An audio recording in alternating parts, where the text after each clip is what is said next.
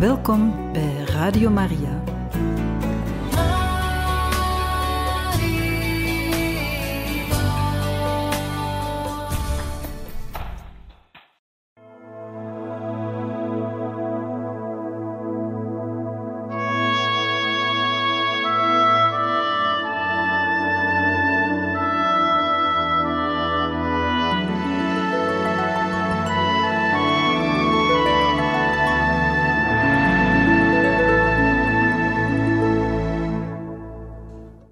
We zijn aangekomen dus bij het opgroeien in Tremelo tussen 1840 en 1855. Een dynamische buitenjongen. En dan gaat het natuurlijk over Damiaan. Het geluk van grootvader en kleinzoon eindigde in juni 1845 toen Hendrik stierf. Jeff, die vijf en een half jaar oud was, treurde om zijn opa. Bij de herder Tiske Vie kon hij zijn verdriet kwijt. Hij bracht dan ook steeds meer tijd met hem door. De man leerde hem hoe dieren te verzorgen en riep hem als een schaap werpens klaar was. Jeff was zo vaak bij de herder dat hij de naam, de bijnaam Schipperke kreeg. Zo gauw hij uit de buurt van Cato was, begon de diepgelovige Tiske een litanie van vloeken en obsceniteiten uit te schrijven. De kinderen gichelden dan. Nog spannender waren Tiskes spookverhalen. Hij toonde hun de bomen waartussen de dwaallichten, zielen van ongedoopte kinderen, hingen. Ze moesten hun klompen met de tip naar de deur plaatsen, want anders zou de moor hen te pakken krijgen. Soms bracht Tiske hen tot vlak bij de hut van Peter Hoeilichen. Dat was een heldenstukje, want de man was een echte heks. Als je hem goed betaalde, vervloekte hij de, je vijand. Die werd dan ziek en stierf. Hij las in het dubbele Ambrosiusboek over hekserij. De kinderen vermeden dat onderwerp, want er werd gefluisterd dat ook Cato een heks was. Ze las immers gotische letters in het grote boek met heilige levens. Alleen heksen, zo pesten andere kinderen de de veursters, konden die ontcijferen. Jeff begreep dat niet, want in het boek stonden heilige verhalen, zoals hoe de wijze erudite priester Pamphilus een martelaar werd. Elk hoofdstuk begon met twaalf tekeningen, kapelletjes noemde Cato die tamelijk ruwe zwart-wit tekeningen. Jeff hield van het verhaal van de tweeling Cosmas en Damiaan, artsen die veel goeds deden en samen de marteldood stierven. Later leerde Cato haar kinderen ook gotisch lezen. Dan kon ze kousen stoppen. Niemand in het dorp twijfelde aan de werkkracht van Cato. Op haar goede dagen zong ze, maar, zo roddelde men in Ninde, dat waren de dagen waarop de jeneverkruik minder vol was dan op andere dagen. Ze zongen liederen over Napoleon, over de tijd in Rebek, toen het leven nog wolkeloos was. Tegen bedtijd trok Cato naar de zolder om voor de vier kinderen, Mieke was intussen opgegroeid tot een flink meisje, een appel te halen. Ze aten die samen voor het haardvuur.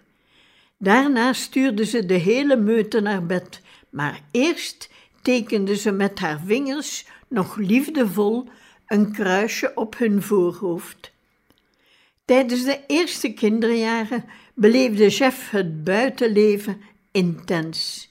Hij hielp op de hoeve, maar zijn hulp werd niet altijd op prijs gesteld.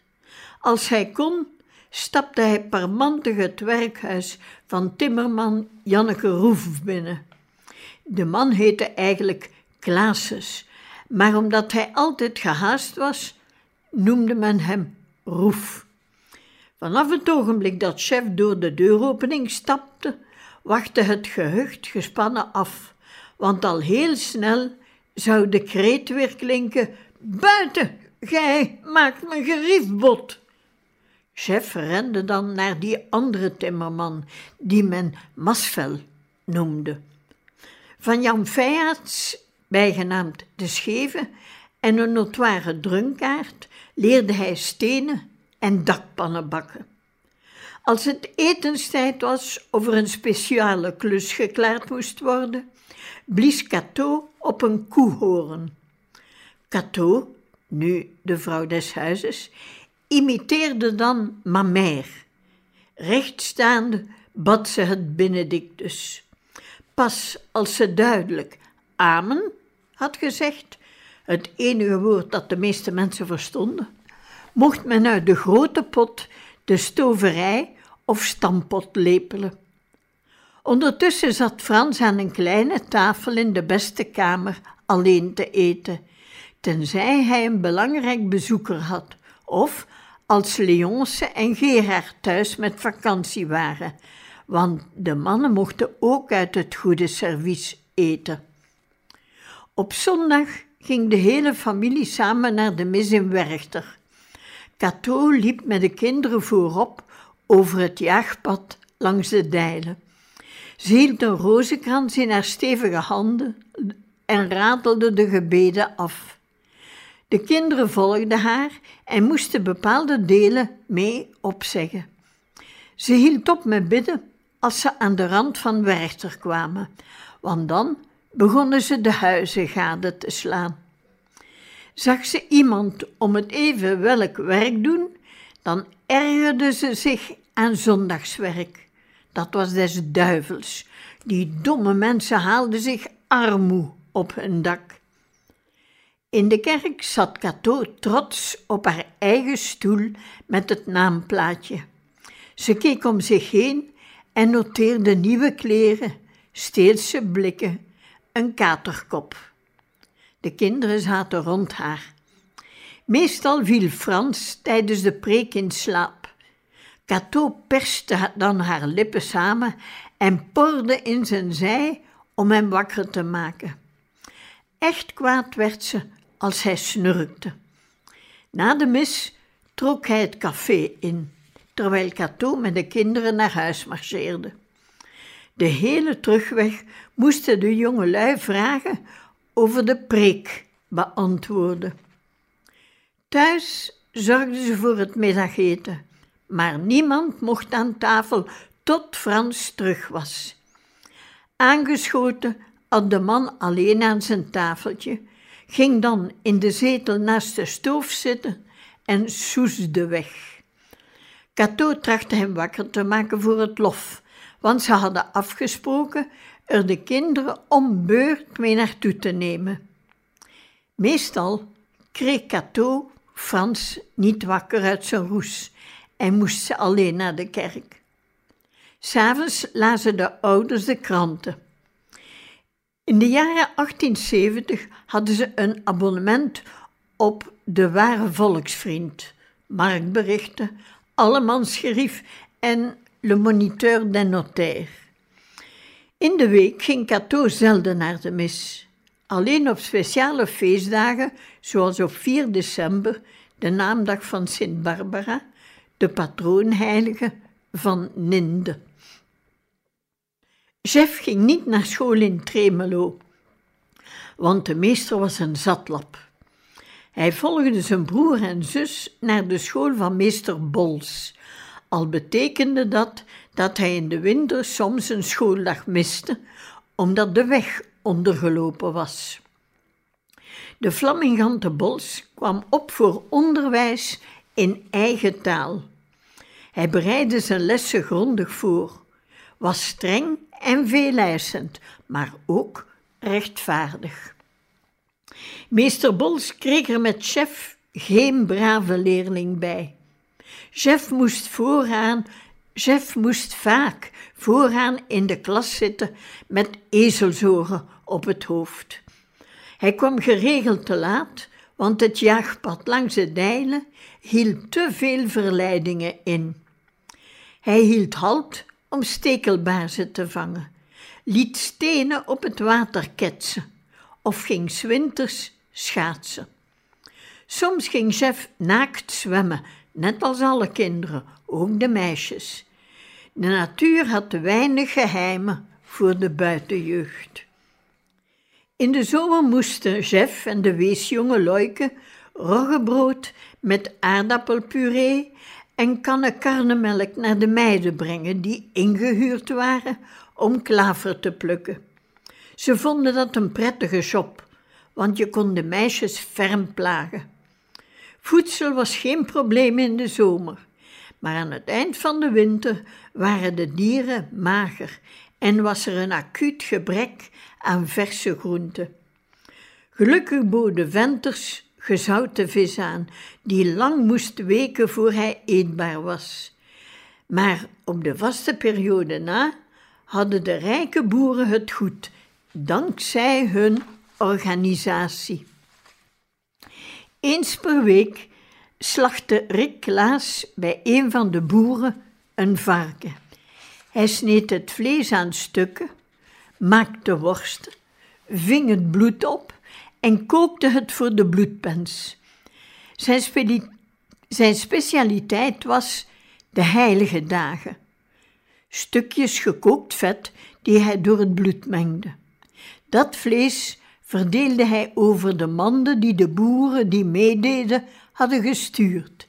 Iedereen had altijd vers vlees. Eugenies lichtend voorbeeld 1864 Pastoor Schijs kreeg altijd zijn gratis deel van een geslacht dier. De tachtiger had de gewoonte om de schenker persoonlijk te bedanken. Frans was tijdens een dergelijk bezoek eens thuis en luisterde op afstand. Vleesbedeling was een vrouwenzaak. Na de nodige plichtplegingen wilde de pastoor toch kwijt dat er in de bloedpens te weinig heiligdagen zaten. Frans zei niets, maar toen de oude man het huis uit was, was hij razend over zijn onbeleefdheid. Hoe durfde hij een cadeau bekritiseren? Cato mocht nooit nog iets naar de priester sturen. Ze zat meteen met een probleem. Ze had zo al de naam gierig te zijn. Als ze nu de priester zou uitsluiten, zou het hele dorp roddelen. Maar ze moest ook haar man gehoorzamen. Toen het weer haar beurt was, stak ze een briefje in de mand voor de pastoor met het verzoek haar niet te bedanken. Schijs interpreteerde dat als een teken dat er gevaar dreigde. Hij vreesde al een tijd dat Frans zou overlopen van de Sussen, de traditionele katholieke partij, naar de liberalen en haastte zich naar het omstreden huis. Resoluut stapte hij de familiekamer binnen en vroeg op de vrouw af wat er gaande was. Cato weerlegde zijn opwerpingen. Wist hij dan niet dat hun dochter Ursuline in Nederland was? Zuster Alexis was haar kloosternaam. Als hij haar niet geloofde, moest hij maar in Tildonk navraag doen. Ze was daar met verlof, maar mocht het ouderlijk huis niet bezoeken. Om de de Veursters zeker niet te verliezen, vroeg Schijs moeder overste Eugenie de toelating te geven om enkele dagen naar huis te komen.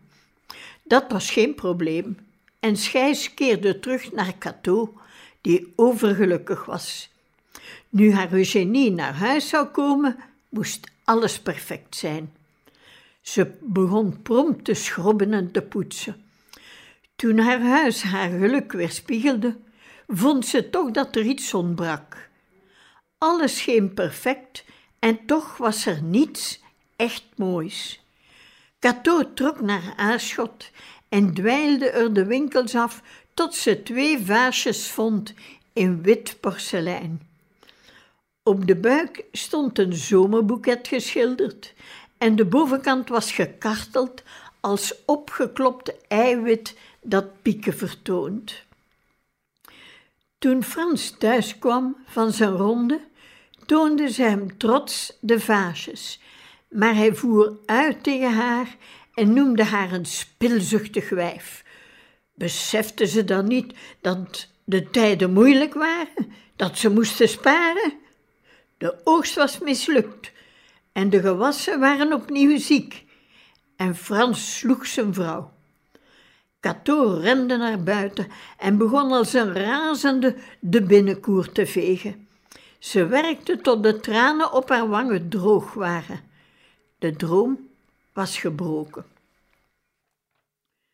De dag van het bezoek van Eugenie dekte ze de lange tafels als voor een kermis.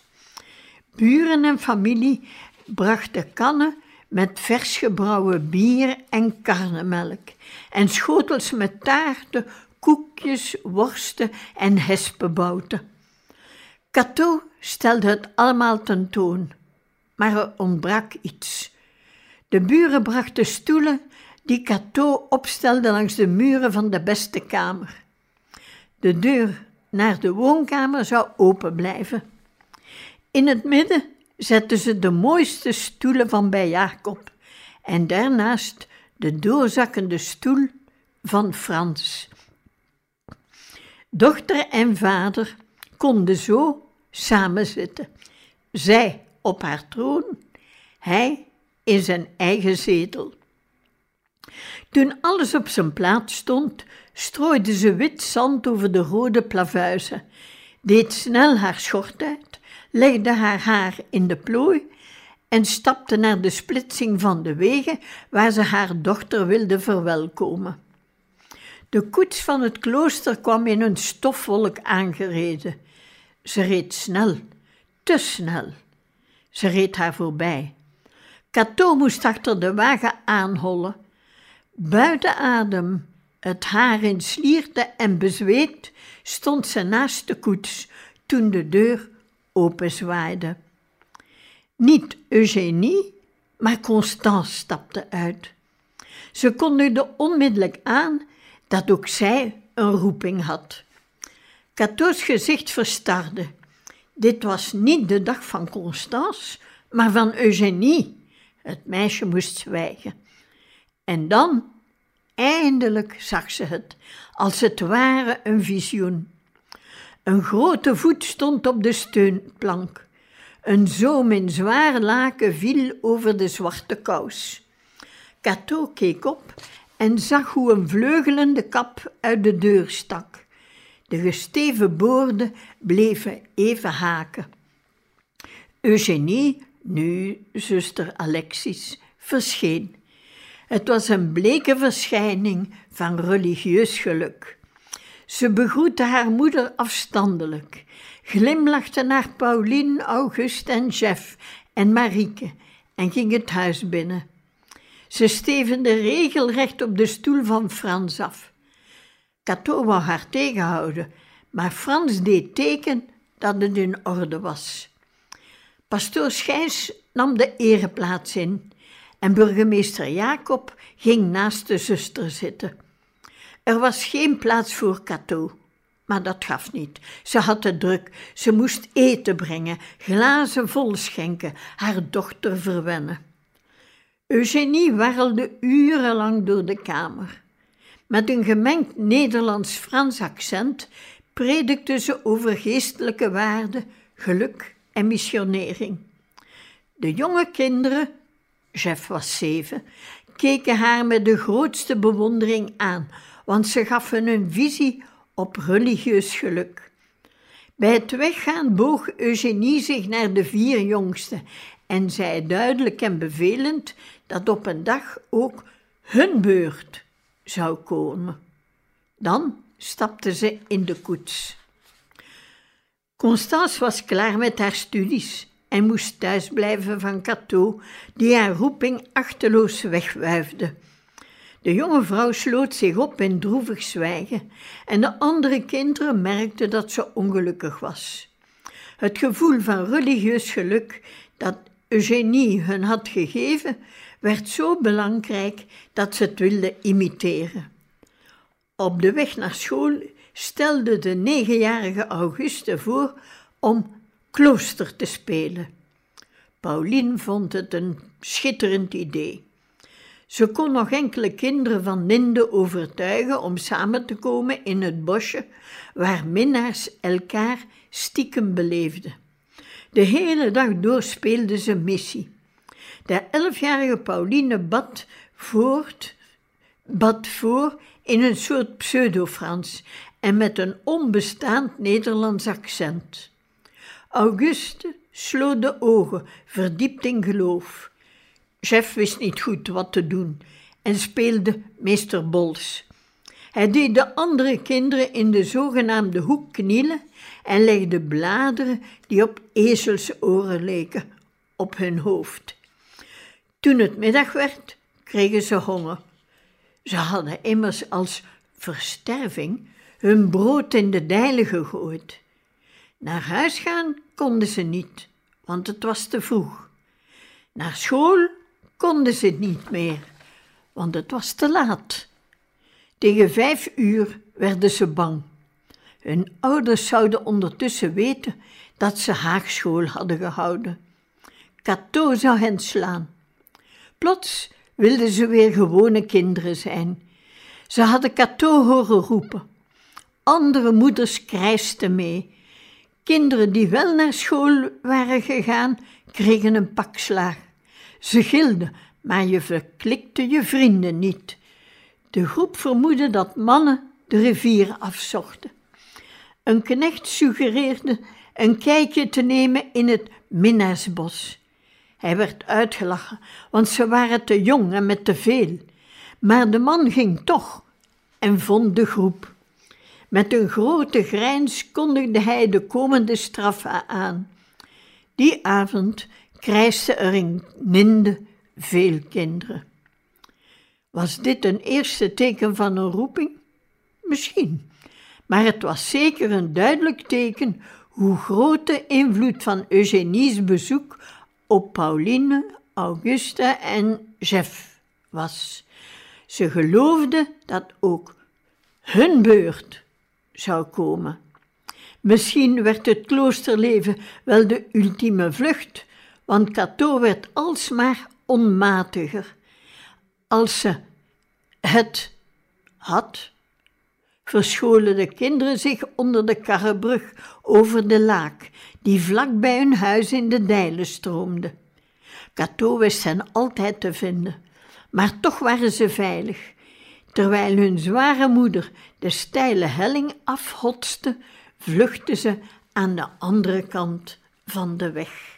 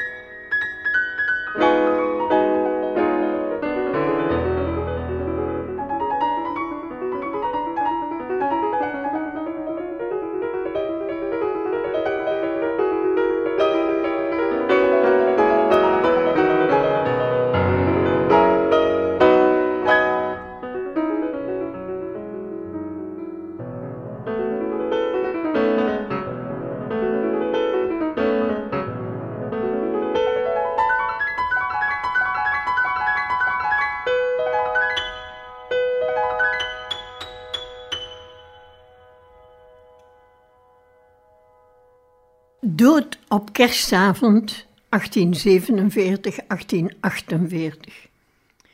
Jeff was geen gemakkelijk kind.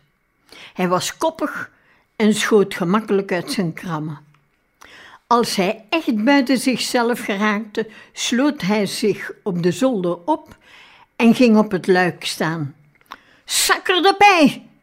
riep hij dan woedend, niet beseffend dat dit een Vlaamse vervorming was van een Franse vloek.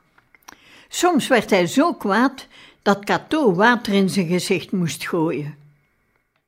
Jeff was een waaghals die op de nok van het huis paardje ging rijden. Hij hield ervan rond te draven op een ongezadeld paard, en als er een wespennest uitgerookt moest worden, was hij vrijwilliger. Prettig was ook om van op de verhoogde berm op de laadbak van een snelle rijdende kar te springen. Je moest handig zijn en vooral de schrik kunnen wegademen. Op een dag, chef was nog heel jong, stonden de kinderen weer eens klaar. De wagenmenner riep luid: Niet doen! Maar dat was nu net wat het spannend maakte. Chef sprong, maar hij miste de houten rand van de laadbak.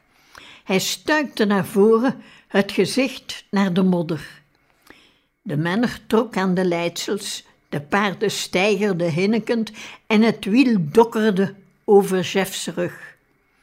Hij kreeg een zware klap tegen het hoofd. Toen pas kwam de wagen tot stilstand. De menner rende naar de jongen, die bewegingloos in de modder lag. Haal Bas in de vuisten, riep hij. De kinderen renden naar Ninde en keerden spoedig terug met de angstige boerin. Haar chef lag al op het platform van de kar. Hij leefde, maar zag heel bleek.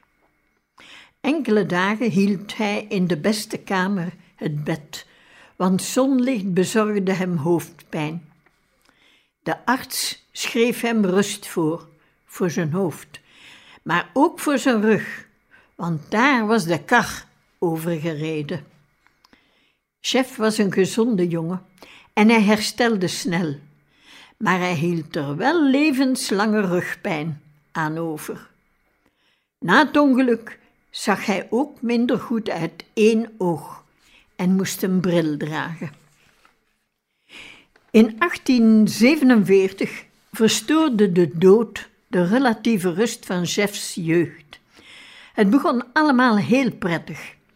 Midden augustus nam vader Frans zijn drie kinderen, Pauline, Auguste en Jeff, mee op zijn rit naar Rebec. Ze reden door Brussel, langs de koninklijke paleizen, de protserige gebouwen en de fonteinen. Daarna volgden ze de Zenne zuidwaarts, tot waar er heuvels glooiden. In Rebec stapten Leonce en Gérard in, de twee bijna afgestudeerde jongens. Elk jaar opnieuw stopte Frans bij de But de heuvel die ter herinnering aan de slag van Waterloo was opgeworpen. Hij vertelde niet over het drama dat hij en vooral Cato toen hadden meegemaakt, maar toonde wel de boom waaronder Wellington de slag had geleid. Jeff had een levendige verbeelding en speelde strateeg.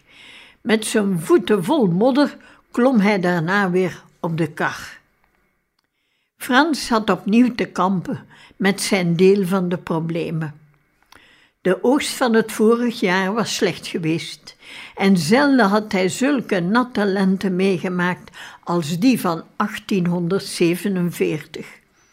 Ondanks de erfenis na de dood van zijn trotse moeder Jean Uiterhoeven waren zijn spaarcenten gereduceerd tot 440 frank. Leons was afgestudeerd en kon voor de zaak werken. Constance was een goede hulp. Dat waren twee schoolgelden minder. Maar Pauline was volgend jaar klaar met de lagere school en zou naar Eugenie in Nederland gaan. Hij kon Gerard thuis houden. De jongen was speels en deed het niet zo goed op school. De uitgerekende misoogst werd met moeite binnengehaald. Ook de herfst was ongewoon nat. Een harde vorst zou de woekerende kiemen gedood hebben, maar de winter was kil en vochtig.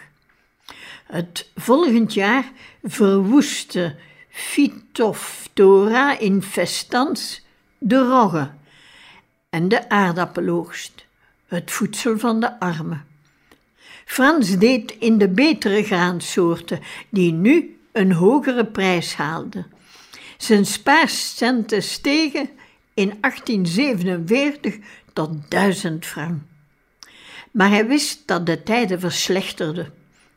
Vroeger legde Cato op maandag, de bedeldag, wat centen op de vensterbank. De beroepsgooiers, die in Geetsvondel en Pijpelheide woonden, namen ombeurt hun cent.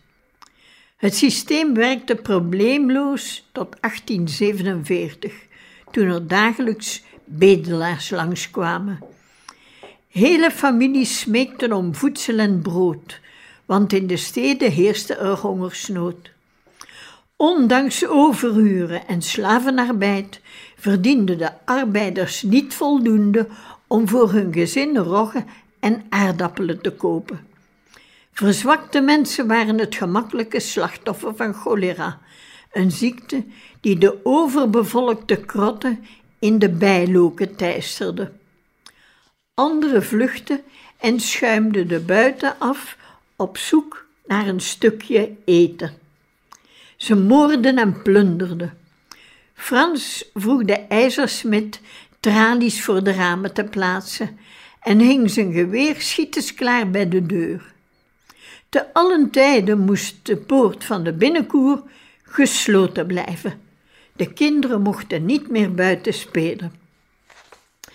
Etensresten legde Cato nog op de vensterbank.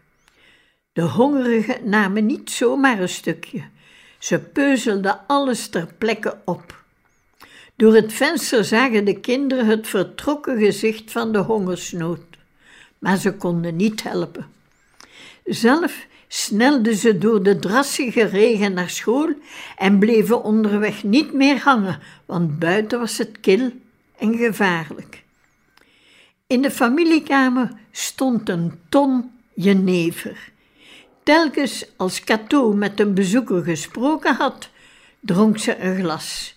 Dat deed ze zogezegd niet uit angst, maar om haar adem te ontsmetten.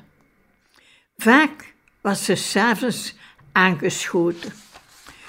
Voor de kinderen was er nu geen ontsnappen meer aan. Ze konden niet meer schuilen onder de laagbrug. Op een dag klopte een schamele familie aan. Het was december, koud en killig.